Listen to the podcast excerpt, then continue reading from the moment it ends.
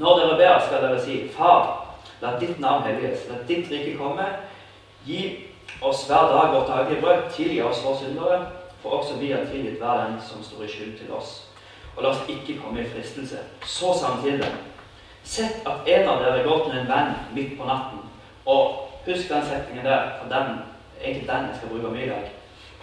En venn midt på natten og ber kjære, lov meg tre brød. En venn som har reist, har kommet til meg. Og er ikke noe å by av. Tror dere han da vil svare der innenfra? Ikke forstyrr meg. Døren er alt stengt, og både barn og jeg er i seng. Jeg kan ikke stå opp og gi deg noe. Nei, sier dere. Om han ikke står opp og gir ham noe, gir han det for menneskets skyld, vil han i alle fall gjøre det fordi han er så pågående, og gi ham alt han trenger. Jeg sier dere, be, så skal dere få. Let, så skal dere finne. Bank på, så skal vi lukke opp for dere. For hver den som ber, han får. Den som leter, han finner. Og den som banker på, skal det bli opp for. Finnes det en far blant dere som vil gi sønnen sin en orr når han ber om en fisk, eller gi ham en skorpion når han ber om et egg? Når selv dere som er onde, vet å gi barna deres gode gaver, hvor mye mer skal ikke Far i himmelen gi Den hellige ånd til den som ber ham? Og jeg tipper at dere nå sitter og tenker at nå kommer det en tale om bønn. Ja, det var det jeg tenkte når jeg fikk den engelsen, at selvfølgelig er det det jeg skal snakke om. Men så ble jeg minnet på Gud mange ganger om overskriften 'En venn om natten'. Og så begynte jeg å tenke på en historie i mitt eget liv der jeg hadde det veldig vanskelig og på en måte hadde gått og båret et eller annet som var veldig tungt, ikke delte med noen. Og til slutt så ble det bare så mye at jeg må bare snakke med noen. Og så tok jeg kontakt med min beste kompis. Klokka sikkert ett på natta, og vi kjørte en lang tur og snakket med det. Og fant ut at vet du hva, vi må ha flere folk inn i dette. for at, ja, Og gikk til to andre venner. Og kanskje to-tre minutter så bare åpna de opp og var virkelig venner om natten. Så det jeg har lyst til å snakke om, er på en måte vennskap og en venn om natten. Og prøve å gi dere på en måte litt sånn Hva skal vi se etter i en venn? Og hva skal vi prøve å være for vennene rundt dere? Og hvis du tenker på dine nærmeste venner typ ikke familie, for det teller ikke. Og hvis du, når jeg var liten, hadde jeg liksom venn. Det teller heller ikke. Men dine fem ekte nærmeste venner, så viser forskninga at på en måte vi ofte er snittet av våre fem nærmeste venner. Rent sånn praktisk. Om det er IQ, om det er hvor mye du tjener, om det er hvor god du er i fotball. Men du er på en måte snittet av dine fem nærmeste venner. Og det er rett og slett så enkelt som at du blir lik de du henger med. Og Derfor blir du på en måte gjennomsnittet av de fem nærmeste vennene dine. Og Før vi snakker enda litt mer om vennskap, så må vi definere hva vennskap er for noe. Og Den beste måten å gjøre det på, det er jo å se hva Bibelen sier om vennskap. Og i ordspråkene 1717, FBV-versjonen, så står det En venn av noen du kanskje eller kanskje kjenner, som aksepterer din vennforespørsel på Facebook. Denne personen er født til å like å, kommentere dine innlegg, så du kan føle deg bedre med deg selv. Nå hadde jeg håpet på litt mer latter, men det går fint. Eh, for det var et poeng bak dette her òg. Men litt sånn som verden er i dag, så er på en måte det her litt sånn som vi definerer vennskap. Eh, men heldigvis så er det Jeg tok meg faktisk den frihet å skrive et bibelvers sjøl, men eh, det stryker med en stor strek over. For i den ekte eh, ordspråkene 1717 så står det En venn viser alltid kjærlighet. En bror er født til å hjelpe i nød. Så det er måte det som er en venn. En som alltid viser kjærlighet, som alltid er der, og som støtter. Og det er litt det jeg vi skal se på i dag. Og et av grunnen til at jeg å snakke om dette, er fordi at det har gjort masse undersøkelser på vennskap og mennesker. Og en av de tingene som kommer fram, er at hvis du ser tilbake for 10-15-20 år siden, så hadde i snitt en person fem nære venner. Personer som du forteller alt til, som du deler livet til, som alltid er der for deg, og som du alltid er der for deg. Mens jeg tror det her var fire, fire år siden noen som ble gjort. Da hadde i snitt en person to nære venner. Så det går veldig drastisk nedover. Og de kommer opp noen grunner på hvorfor den trenden er så synkende. Hvorfor har vi mindre nære venner nå enn det man hadde før? Og Det var flere ting som kom opp. En av dem var at det var flere aktivitetstimer i løpet av et døgn. Eh, unger eksempel, går på skole, og så går de på fotballtrening, og så går de på den aktiviteten, og så går de på den aktiviteten. Så en måte ikke tid til å pleie det vennskapet. Eh, og det samme for voksne folk. En annen ting var at det var en stor økning av skilsmisser som gjør at familier flytter rundt, vennepar blir, blir splitta. Eh, og der òg mister du på en måte kontakt med de nære vennene. Men det som de Og nå skal ikke jeg være en sånn som kommer og slår hånda i bordet at telefon, sosiale medier, det skal vi ikke bruke i det hele tatt. For det er veldig bra hvis vi bruker det rett. Eh, men vi må være obs på at det kan være noe som på en måte ikke alltid er så bra. Og Den siste og største grunnen det var eksplosjonen av sosiale medier. Og Sosiale medier det er på en måte redefinert meninga med en venn.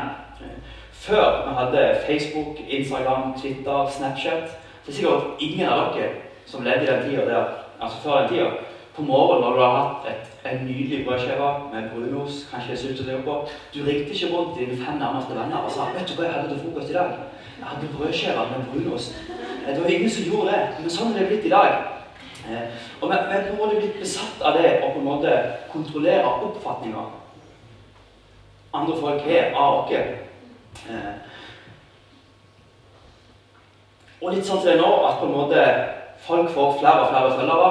Jeg har bare si tall, så jeg kanskje har 500 følgere på Instagram. Eh, mens ungdommene som er i menigheten jeg går i, noen av dem har kanskje 2000 følgere på Instagram. Så du får flere og flere følgere, du får flere og flere likes på bildene dine. Eh, og alt det blir større og større og større. Men samtidig har alle ungdommer følt seg mer alene enn det de gjør nå. De får masse anerkjennelse, men de har aldri følt seg mer alene enn det de gjør nå. Og Derfor har jeg lyst til å ta tak i det med vennskap, og det er òg en venn om natten. Mm. Så jeg har lyst til å se på at kanskje det er noen her som trenger en ny type venn, trenger nye venner i sitt liv. Eh, og nå kan det være jeg tråkker noen litt på tetene og det er litt meningen òg, men kanskje det er noe i livet ditt som du på en måte må gi litt slipp på. Eh, og da sier jeg ikke at nå skal du kutte han helt ut, nå skal du aldri mer være med den personen. For det kan godt være at han trenger deg i ditt liv, men ikke la den personen få være med og definere hvem du er, hvilke valg du tar. Og grunnen til at jeg sier det, er fordi at når jeg ser tilbake på mitt liv, og alle ting som jeg har fått til, all suksess jeg har oppnådd, eller alle de gode valgene jeg har tatt, det kan jeg spore tilbake til at det er en venn som på en måte meg til det, som har hjulpet meg til det. F.eks. når jeg så Maria for første gang, så sto hun på en scene og lovsang på et ungdomsmøte eller en ungdomsleir. Og så merket hun at åh, det så ut som ei veldig bra dame. Og så gikk jeg bak til mikspulten. der sto en av mine beste venner. Og helt sånn ut av det blå så dunka han borti meg og sa Hun er så sann. Hun burde du prøve deg på. Ja, kanskje jeg skal gjøre det. Eh, så snakket jeg med hun kvelden etterpå. Eh, Helga etter den eieren så sendte jeg en melding på Facebook, og to dager senere så snakket vi på Snapchat. For det er sånn det fungerer nå. Og så gikk det ca. et år pluss minus, kanskje enda litt til, og så var vi gift. Og, og jeg kan spore Ja, det kan vi juble Jeg er veldig fornøyd. Men jeg kan jo snu på det. Og nå, Pappa min hadde sagt ah, nå skylder du på andre, sånt, men det er faktisk sant. For alle dumme ting jeg ikke har gjort, alle avgjørelser som kanskje er feil, ikke er bra, det kan jeg òg spore tilbake eh, til en kamerat eller venn som har påvirka det til meg. Jeg kom fra gård, eh, og vi hadde sauer der. Og det gøyeste vi visste Er det noen som kommer fra gård her? Da er noen, da må jeg være litt forsiktig med hva jeg sier. da, For det, det, her er litt, ja, det er egentlig ikke bra. Men eh, jeg kom fra gård. Jeg vet at det jeg gjorde, var ikke bra i det hele tatt. Men det var noen andre som påvirka meg. For jeg hadde fått med hjem liksom, de to kuleste guttene i klassen. Eh, og jeg hadde sagt at eh, når pappa det ikke så på, så hendte det at vi jakte sauene. Og vi syntes det var fantastisk gøy. Jeg vet ikke hvorfor, eh, men vi kom fra gård, så det var ikke så veldig mye å gjøre. Så det var sånne ting vi gjorde. Og så sa de liksom at ja, det må vi gjøre, men vi må gjøre det skikkelig. Og så tenkte jeg, hvordan skal vi gjøre det skikkelig? Og så pressa de meg og broren til liksom, nå må vi gjøre noe stort. Og vi hadde tenkt på det, men vi hadde å gjøre det, for vi regnet med at det her ikke var så bra.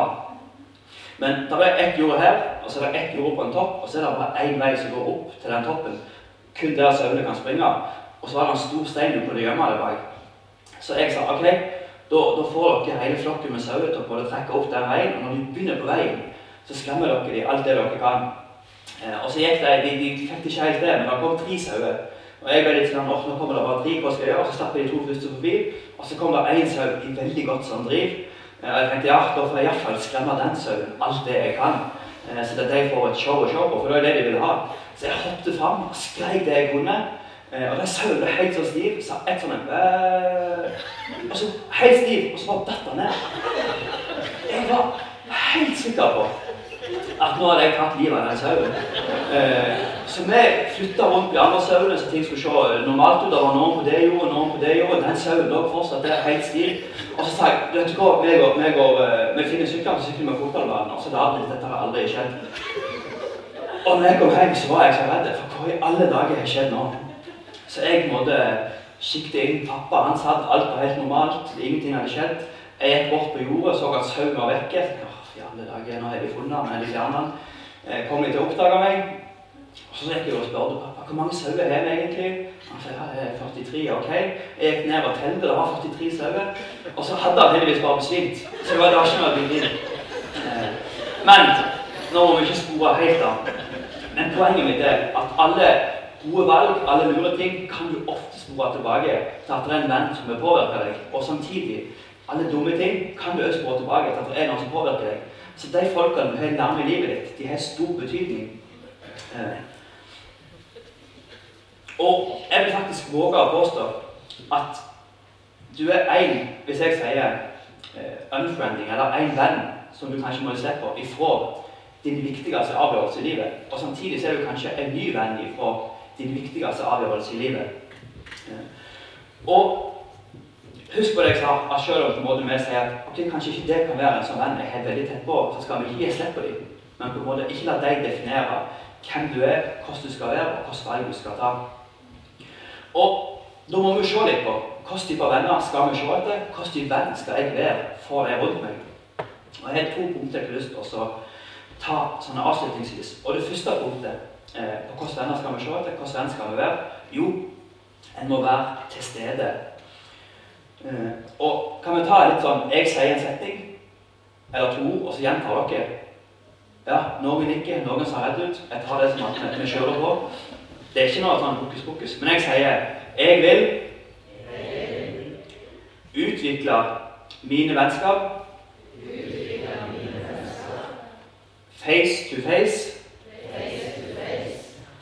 Ikke tommel til tommel. Ja. Og det her, ja, det her er veldig bra. Eh, for det er det som er hele greia. At, at, face to face, ansikt til ansikt, det er sånn du må utvikle dine, ansikt, eh, dine vennskap. Du må være til stede. Ikke tommel til tommel. Eh, det, det en måte ikke samme kraften. Eh. Ja! Det kunne jeg òg ha sagt. Men bra du sa det. Face to face is better than Facebook. Jeg liker det. Eh, og i Hebreerne 10,24 så står det litt om det å være der for hverandre. For der står La oss hjelpe hverandre og oppmuntre hverandre til kjærlighet og gode gjerninger. Her er det snakk om Vi skal være venner som oppmuntrer hverandre til kjærlighet og til gode gjerninger. La oss ikke svikte vår egen menighet, altså de folkene har rundt deg, slik noen pleier å gjøre. La oss heller gi hverandre rette råd ettersom dere ser at ting går, at dagen for Jesu tilbakekomst nærmer seg. Altså, hør her. Det er kraft, det er power i nærvær.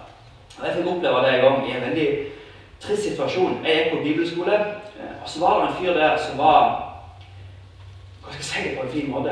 Han var ikke veldig flink sosialt. Han var på en måte veldig vanskelig å komme inn på. Eh, men jeg spilte litt kort med av og til. Vi hang litt og på hadde en liten relasjon. Men jeg ville ikke at vi hadde en veldig god relasjon. Og så fikk vi beskjed om at han hadde mista noen veldig nær i sin familie. og Det var veldig vanskelig for han. Så han på en måte bare forsvant inn på rommet. Vi hadde sånn en person på ett rom. Eh, og far bare kom ikke til måltidene. Eh, og så ble vi sittende igjen og snakke. Liksom, noen må snakke med han. Og så lærte det meg Sondre, du kjenner han litt, du må gå og snakke med han. Og jeg tenkte Hva i alle dager skal jeg si? Hva, hva sier vi i en sånn situasjon? Hva skal du gjøre? Så jeg kom inn der. Eh, spør de som hei, går det bra? Eh, og han bare kom imot meg. Jeg ga han en god klem. Eh, han begynte å grine, jeg begynte å grine litt. Eh, og så satt han og bare snakket og snakket og snakket, og snakket om den tingen. Og Sånn så vidt jeg husker, så sa ikke jeg et eneste ord. Eh, og så ble det kveld, jeg måtte legge meg, så jeg sa til han at du, nå må jeg faktisk komme meg i seng. Men jeg ber for deg, og jeg er her for deg. Og så gikk jeg. Og så våkna jeg til tidenes melding neste morgen, der han skrev at alt det du sa, det var så bra. Det traff meg, det var veldig viktig. Jeg sa jo ingenting. Jeg sa at går det bra? Og så sa jeg jeg ber for deg når jeg går. Eh, men for meg så er det bare et supert bilde på at det er utrolig mye kraft i nærvær. Det å være sammen, det å være til stede. Eh, så når du ser på dine venner, når du skal finne ut venn du skal være, det å være til stede, det er det mye kraft i. Ikke bare fysisk, men også emosjonelt. Eh, så vær til stede. Andre punktet Kanskje det er vanskeligere av de to, men det er å åpne seg opp. Og jeg merker det når jeg er på ungdomsmøtene som hjemme, at ungdommene er utrolig redde for å snakke i telefonen. Hvis jeg ringer et nummer som ikke vet hva er, så er det helt sånn Jeg tør ikke ta det, for jeg, vet ikke hvem det er. Og så spør jeg hvorfor det. Jo, jeg vet ikke hva jeg skal si. Jeg er veldig redd for å snakke i telefonen. Og jeg skal ikke henge unna, men jeg irriterer meg tatt kona mi i det. Hun tør ikke alltid snakke i telefonen. Jeg tenker, kjære tid, du er jo en voksen person. Det, du sier hei, og så tar du det som du kommer. Men, men, folk er redd for det, Og det er en ting som jeg ser mer og mer. Og greia når vi kommuniserer, er at vi imponerer folk med våre styrker, hva vi er gode til, hva vi får til. Eh, det imponerer vi folk med. Men vi kobler oss sammen med folk når vi åpner opp og så deler våre svakheter. Eh, det er da vi virkelig kobler oss sammen med folk. Så jeg tror at den komboen med å være til stede, det å tørre å åpne seg opp og dele dine svakheter, det er en kraftig kombo når det kommer til vennskap. For svakhet det knytter dere sammen. Jakob 15, 16 står det Bekjenn dere synder for hverandre og be for hverandre, så dere kan bli helbredet. Eh, det er kraft med det å på en måte dele vanskelige ting med hverandre, dele svakheter, dele feil. Det er det du knytter deg sammen med. Jeg hadde en i vennegjengen som på en måte ikke var noe sånn eh, veldig god venn, men vi snakket sammen og spilte litt fotball sammen og sånn. Og så, jeg vet ikke hvorfor, men En gang så var vi på en biltur sammen. Jeg tror vi skulle faktisk ha hamburger på Helleland. Eh, og det var en av de få plassene som var oppe klokka tolv minutter, så det ble det der. Eh, og da begynte vi bare å snakke. Og jeg vet ikke hvorfor det tok den vrien, men vi begynte å åpne opp med ting som var vanskelig i livet. Eh, og etter den kvelden så er vi bare våre bestekompiser. Og han var forlover i mitt bryllup. Og jeg tror det var ene og alene fordi at vi torde å åpne opp og så snakke sammen. Så min oppfordring til dere i dag er at du er gjennomsnittet av dine fem nærmeste venner. Dessverre, om du liker det eller ikke. Om du ikke liker det, så må du kanskje se litt på hvem du er rundt deg. Eh, og se etter folk som er til stede, som vil deg det beste, og som tør å åpne seg opp og snakke med deg. For da bygger du gode vennskap. Eh, og det samme òg eh, når du skal være venn for andre. Vær til stede, åpne deg opp, eh, ha Jesus i fokus, og da tror jeg det vil gå deg godt. Jeg tror at deg og Jesus er en venn ifra den beste avgjørelsen i livet ditt.